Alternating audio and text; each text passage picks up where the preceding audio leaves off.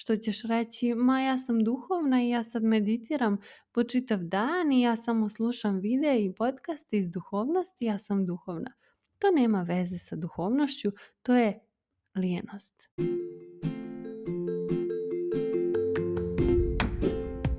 Dobrodošla u novu epizodu mog podcasta u kome se bavimo ličnim razvojem i radom na sebi. Ja sam Dragana Potpara i svojim primjerom ti pokazujem kako da izabereš sebe i zaživiš svoj puni potencijal.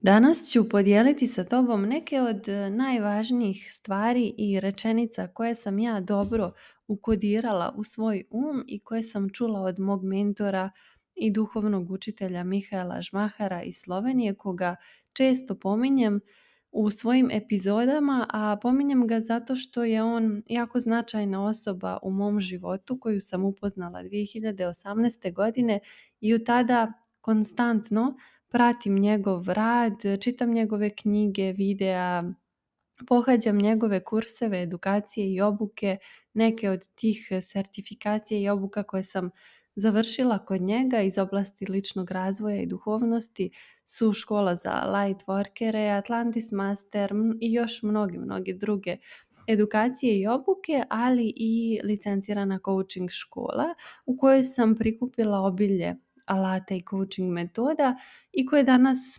čine i, i sastavni su dio coaching metodologije koja, koju primjenjujem u radu sa mojim klijentima. Bilo da se radi o jedan na jedan coachingu ili o grupnom programu mentalna teretana.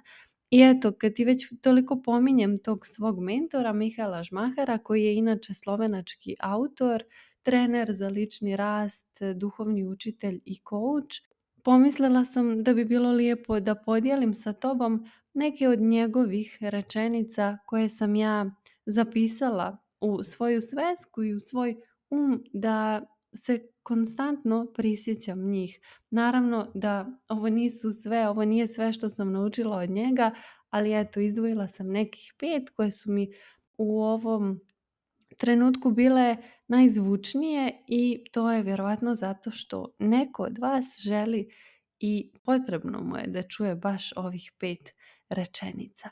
Prva rečenica, prvo ću ti ih čitati u originalu na slovenačkom, onako kako ih on kaže ili zapiše, onda ću ti prevesti.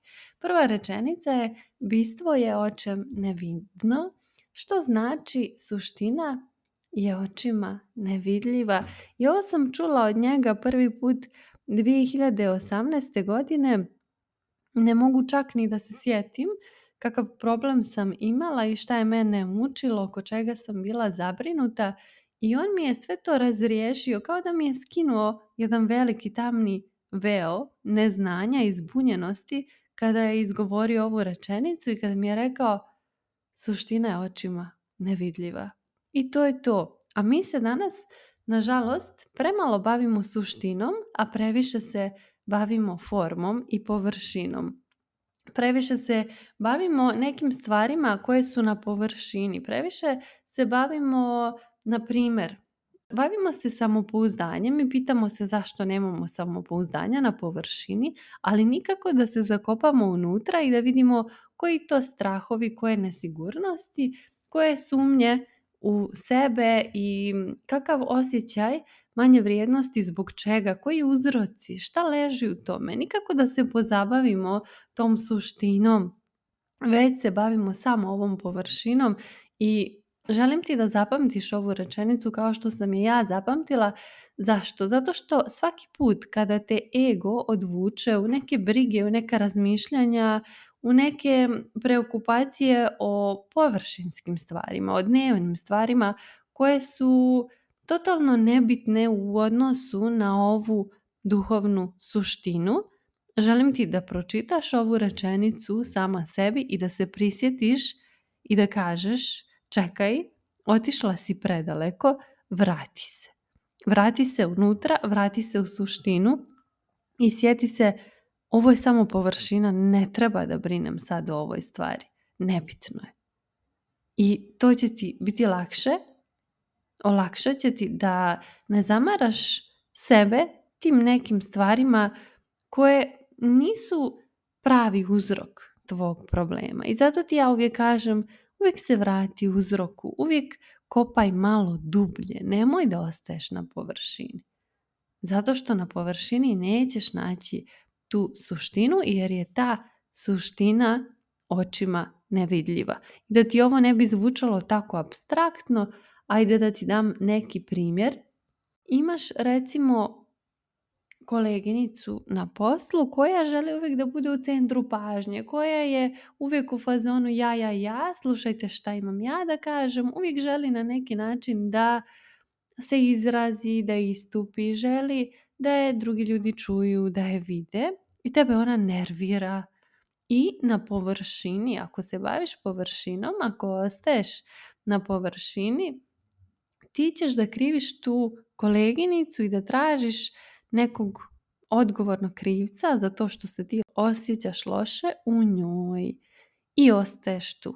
Ali to nije pravi način jer tebe ta koleginica možda nervira zato što ti u stvari želiš da se istakneš, želiš da izraziš svoju istinu, želiš da te drugi ljudi čuju, da te vide, da čuju tvoju poruku, ali nemaš dovoljno hrabrosti, samopouzdanja, drskosti, odvažnosti, čega god, da bi to uradila i onda kad vidiš nekog koji ima sve to, onda to u tebi izaziva tu neku nervozu i onda te ta osoba nervira.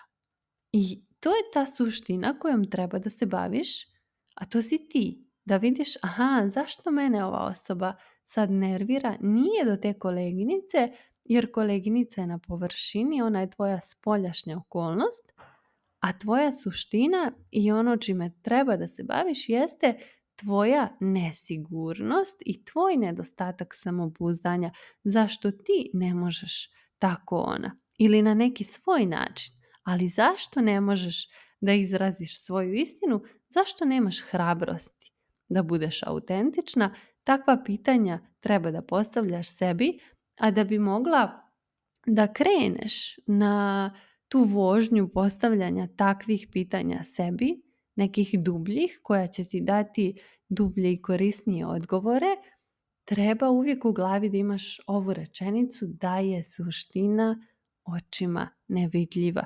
Jer očima nećeš vidjeti to da si ti u stvari nesigurna, da ti u stvari nemaš samopouzdanja, nego ćeš vidjeti koleginicu koja te nervira. I uvijek se vrati na ovu rečenicu.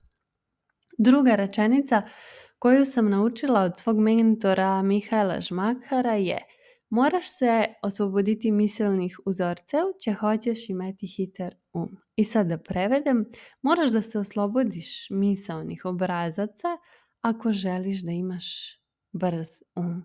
Šta su to misaoni obrazci? To su neke naše ponavljajuće strukture razmišljanja i to su takozvana uvjerenja, to su skupovi misli koje smo mi oko određenog životnog koncepta ponavljali sami sebi godinama. Na početku su nam to drugi ponavljali, a zatim smo nastavili iste te misaone strukture, iste te misaone obrazce, iste ta uvjerenja da ponavljamo sami sebi. I tako smo oformili ta neka naša duboka vjerovanja oko svakog segmenta u životu i podsegmenta. I onda ne možemo da idemo tako brzo u životu, ne možemo brzo da se razvijamo, ne možemo brzo da prihvatamo promjenu Zašto? Zato što imamo te obrazce koji nas usporavaju i zato kažemo da kada se očistimo od tih obrazaca imat ćemo brži um. Jer ako ti, evo ti sad primjer, ako ti vjeruješ da je nemoguće zaraditi puno novca na neki pošten način da si vrijedna, da se trudiš, ali ne da se mučiš, ne da se ubijaš u posla, nego od posla, nego da radiš ono što voliš, da uživaš u tome i da imaš vremena i za sebe i za odmor i da zaradiš puno novca. Ako ti imaš neka ograničavajuća uvjerenja o novcu, ti nećeš vidjeti sve prilike koje će ti se otvoriti prema tim putevima gdje bi mogla da radiš upravo to u čemu ćeš uživati i gdje bi mogla da zarađuješ puno novca. Zašto? Zato što je tvoj um spor za promjenu. A zašto je spor za promjenu? Zato što je previše zauzet ovim nekim starim uvjerenjima. To jest nisu ni stara, ona su čak i sada aktuelna jer ih ti sebi konstantno ponavljaš isto to može da važi za bilo koji aspekt tvog života, bilo da su uvjerenja o partnerskom odnosu u pitanju, bilo da su uvjerenja o tvom fizičkom zdravlju u pitanju, uvijek ćeš sama sebe da usporavaš i da ne budeš otvorena za promjenu i za rast, jer promjena znači rast. Ako si zaglavljena u tim misaonim obrazcima, i šta je ovdje rješenje? Da bi imala brz um, kako da se oslobodiš i otarasiš i otreseš tih misalnih obrazaca, to jest uvjerenja koja te koče u životu, tako što ćeš da preispitaš sva svoja uvjerenja i sve svoje definicije o zdravlju, o partnerstvu, o novcu, o karijeri, o motivaciji, o ljubavi, o čemu god ti ćeš da preispitaš sve svoje definicije i da vidiš da li te te tvoje definicije ta tvoja uvjerenja, ta tvoja duboka vjerovanja, da li te koče ili ti služe u životu. Ako vidiš da te koče, onda definitivno znaš da je vrijeme da ih mijenjaš, da ih skloniš, da bi mogla da imaš brz um koji će biti otvoren za promjenu, koji će biti otvoren za nove informacije, za nova znanja, koji će biti spreman da primjenjuje neke nove i drugačije stvari nego što su one na koje je on do sada navikao, jer to je jedini način da imaš kapacitet, mentalni kapacitet da uočiš nove prilike i nove mogućnosti za sebe, a zatim da ih iskoristiš. Jer ako ti imaš usporen um koji je zauzet i zaglavljen u ovim starim misonim obrazcima, on uopšte neće imati kapacitet da uoči sve nove prilike i mogućnosti koje ti imaš za sebe, za svoju promjenu i za svoju ekspanziju. Na primjer, kada je karijera u pitanju, on neće imati kapacitet to da uoči, jer nema oslobođen mentalni prostor i da bi oslobodila taj svoj mentalni prostor, prvo se oslobodi tih ograničavajućih uvjerenja, a sada sam ti rekla kako to da uradiš. Treća rečenica. Pogledaj stvari takšne kod so, ne takšne kod ih ti želiš vidjeti. Mislim da si razumjela otprilike o čemu se radi. Gledaj na stvari takve kakve one jesu. Ne kakvima ti želiš da ih vidiš. Ovo je jako opasno zato što smo često nekako zaglavljeni u tom našem pogledu, mikropogledu na svijet, u toj našoj percepciji doživljaju svijeta koji su svakako izgrađeni na osnovu onih podataka koje smo mi sakupili do sada kroz naše životno iskustvo. Ali ta naša mikropercepcija zato i zovemo mikro, nije makro, nego je samo naša, naša individualna, jako uska i jako ograničena koliko god mi radili na sebi, širili svoju svijest i svoj um, opet imamo neku mikropercepciju koja je ograničena samo na naše životno iskustvo i to je skroz ok, ljudi smo. Nemoj ti sad da se demorališeš i da se ubijaš u pojam zato što ne možeš da vidiš neku širu sliku, neku apsolutnu istinu, zato što ni jedna osoba na ovom svijetu nema taj kapacitet i u redu je. Nemoj da brineš, tako treba da bude. Ali opet treba da imaš svijest. Da znaš, aha, ovo je moja percepcija, ovo je moj pogled na stvari. Ali da li mogu nekako da izađem iz te svoje percepcije i da pogledam na te stvari malo drugačije? Znaš, zato što se vrlo često desi da živimo u zabludi povodom nekih stvari baš zato što stvari gledamo samo onako kako mi želimo da ih vidimo, a ne onako kakve su one zaista. I evo ti jedan primjer Recimo da mjesecima, ajde da kažemo, se vučeš pod navodnicima sa nekim momkom koji te kulira, on je onaj tip odi mi, dođi mi, ode pa se ne javi, pa se opet vrati, nikad ne znaš na čemu si sa njim, sve je nestalno, nesigurno i ne sviđa ti se to naravno, neka ti se ne javi, neka ti se javi i kad ti se ne javi onda ti tražiš izgovore da je on bio zauzet i da nije mogao da ti se javi i tako dalje i gledaš na te stvari onako kako ti želiš da vidiš. Ti želiš da vidiš u njemu osobu koja je stalo i koja je zauzeta stvarno i zato ti se nije javila, a možda je realnost ta da njemu koliko god ti to ne prijalo da čuješ, koliko god te to boljelo i živciralo, što ću sad reći, možda njemu i nije toliko stalo.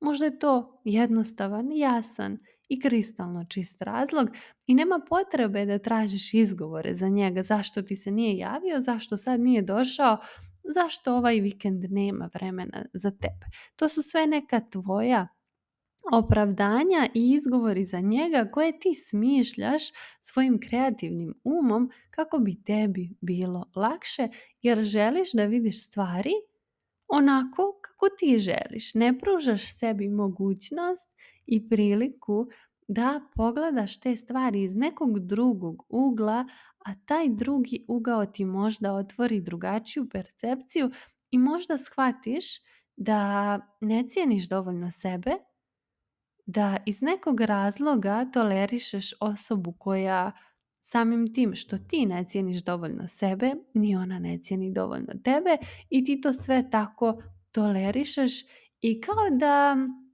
uporno, što kažu Slovenci, mažeš sebi oči, kao da prekrivaš sebi oči, da ne vidiš, da ne vidiš pravu istinu i pravu realnost i zato je ova rečenica jedna od onih koje bi trebalo definitivno da zapišeš u svoju svesku ili u svoj dnevnik brige o sebi, da se potrudiš da pogledaš stvari onakvima kakve one zaista jesu. Pogledaj na njih iz tih nekih različitih uglova, a ne samo iz ovog ugla da gledaš na njih kakve ti želiš da one budu i sve bi to bilo super, bajno i sjajno kad bi taj tvoj scenario bio pravi, realan i ako jeste pravi onda je odlično, ali ako vidiš da se u tom tvom scenariju ti ipak ne osjećaš dobro, da ti taj odnos ipak ne stvara mir, već ti prouzrokuje neki nemir, onda znaš da je možda ovaj tvoj scenario o savršenoj vezi koju si ti kreirala u svojoj glavi, onda znaš da je ovaj scenario možda daleko od onog istinitog i onog pravog i zato nemoj više da sebi zatvaraš taj pogled i da sebi prikrivaš tu realnost, nego se otvori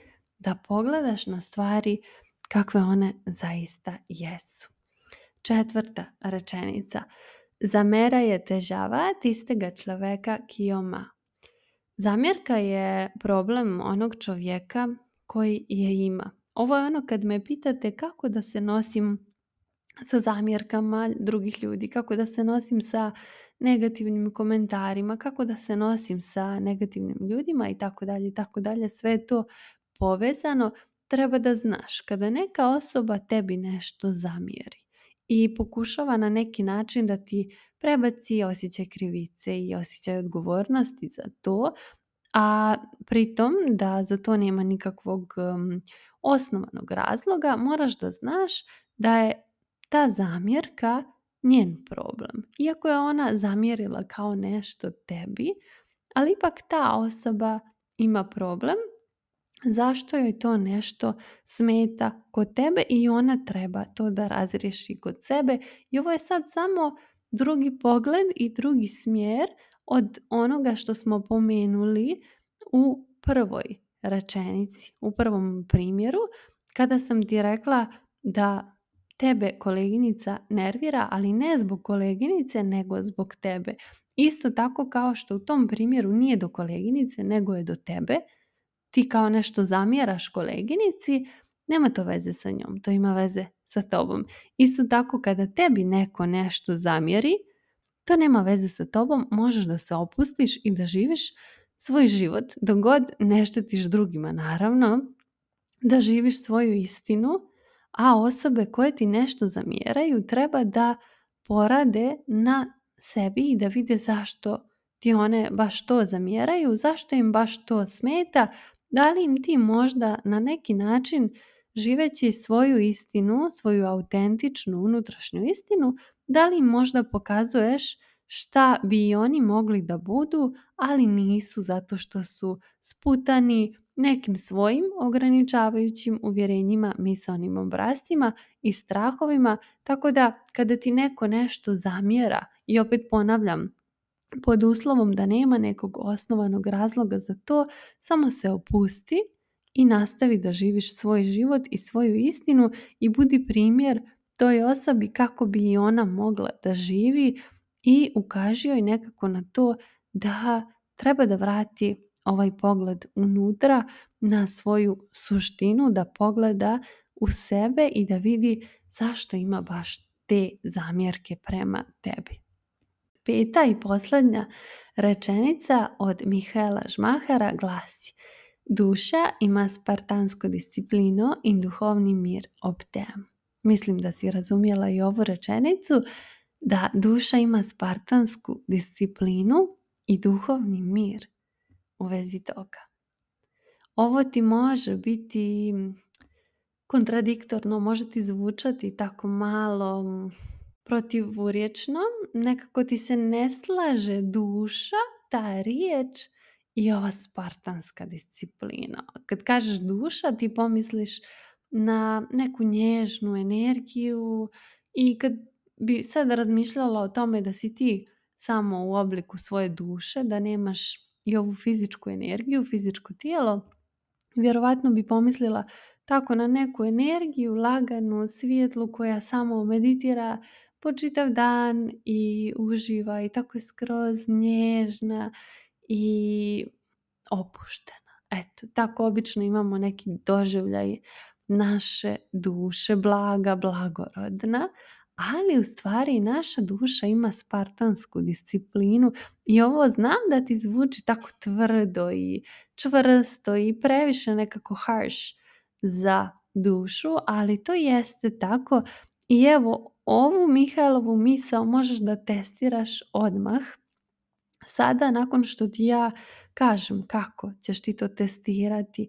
Znaš ono kad postaviš sebi neke zadatke na svoju to-do listu i ti to sve odradiš. Ili kad kažeš sebi, e sad ću da ustajem svaki dan u šest, u pet, u sedam, šta god. I onda se držiš toga, onda si dosledna istrajna, kada redovno treniraš, kada se hraniš zdravo ili bilo šta što si sebi nekako odredila da ćeš primijeniti u svom danu kako bi poboljšala svoj kvalitet života, svoju produktivnost, kreativnost, svoje zdravlje, šta god. Kada si ti tako dosledna i kada si disciplinovana, kako se osjećaš? u tom trenutku. Kada imaš tu takozvanu spartansku disciplinu, kada ispoštuješ te svoje dogovore sa sobom i kada ispuniš ta obećanja koja si dala sebi. Kako se osjećaš ti nakon toga? Da, možda je nekad i bilo teško ustati rano ujutru ili otići na taj trening kad ti se ne ide, ali kako se osjećaš na kraju takvog spartanskog, nazovi, dana? Osjećaš se super, u miru si, zadovoljna si sobom. A šta je to u stvari kad si ti u miru, kad si zadovoljna, kad se osjećaš dobro? To su emocije kojima ti tvoja duša poručuje da, bravo, to je to, tako ja želim. I tako odmah znaš da tvoja duša ima zaista spartansku disciplinu i da ti imaš duhovni mir kada si u toj spartanskoj disciplini, a kako znaš da u suprotnom nemaš duhovni mir, pa tako što, evo pogledaj sama, kada prokrastiniraš neke stvari koje si sebi zacrtala, kada stalno odlažeš, kada se nekako vučeš i muljaš kroz dan, kada ti dani prolaze tako mm, kako ti u suštini ne bi željela da ti prolaze, kada nisi disciplinovana, nisi redovna sa treninzima, nekako ti je svaki dan mlak, da tako kažem, živiš mlako. Kako se osjećaš ti tada? Jeste, izlažavala si se ujutru i jeste, nisi otišla na taj trening i to ti nije bilo teško i nisi se fizički umorila, ali si se umorila mentalno jer nemaš mir kada nemaš disciplinu. Zapamti to dobro. I onda nemoj da živiš u toj iluziji da ako si ti duhovna, ti treba samo da meditiraš po čitav dan i da gledaš u sunce ili tako nešto. Ne, ne, ne, nikako. smo došli na ovaj svijet da meditiramo po čitav dan. To ti kaže osoba koja meditira, koja je učiteljica meditacije, koja ima meditaciju u svom programu, jer je meditacija nešto što je ne samo meni nego mnogim ljudima promijenila život. Meditacija ima toliko dobrih benefita. Naravno da uživam u meditaciji, naravno da na sva zvona uvijek s ljubavlju pričam o meditaciji zato što meditacija je nešto što će da promijeni tvoje mentalno stanje, a kad promijeniš svoje mentalno stanje, promijenit će se i stanje u kvalitetu tvog života koji živiš. Definitivno treba da meditiraš, ali nikako ne treba da meditiraš po cijeli dan i da tražiš neke izgovore za svoju lijenost u tome što ćeš reći ma ja sam duhovna i ja sad meditiram po čitav dan i ja samo slušam videe i podcaste iz duhovnosti, ja sam duhovna. To nema veze sa duhovnošću, to je lijenost. To su izgovori za tvoju neproduktivnost za tvoju neaktivnost. Nemoj da budeš samo pasivni konzumer koji će da sluša podcaste i videe i da meditira, a da ne živi svoj život. To su isto jedni od e, opasnijih izgovora kod takozvanih duhovnih ego stvari, jer naš ego može da nas zapetlja nekako i u tom području duhovnosti da ne možemo da se izbavimo iz toga baš na pravi način i onda smo u problemu. Zato dobro zapamti ovu rečenicu da duša ima spartansku disciplinu i da ćeš ti imati duhovni mir kada si disciplinovana. Hvala ti što si izdvojila vrijeme da poslušaš ovu epizodu mog podcasta. Ako su ti teme koje obrađujem zanimljive i želiš da radiš sa mnom, najbolji način da budeš u toku sa svim novostima je newsletter na koji se možeš prijaviti na mom Instagram profilu.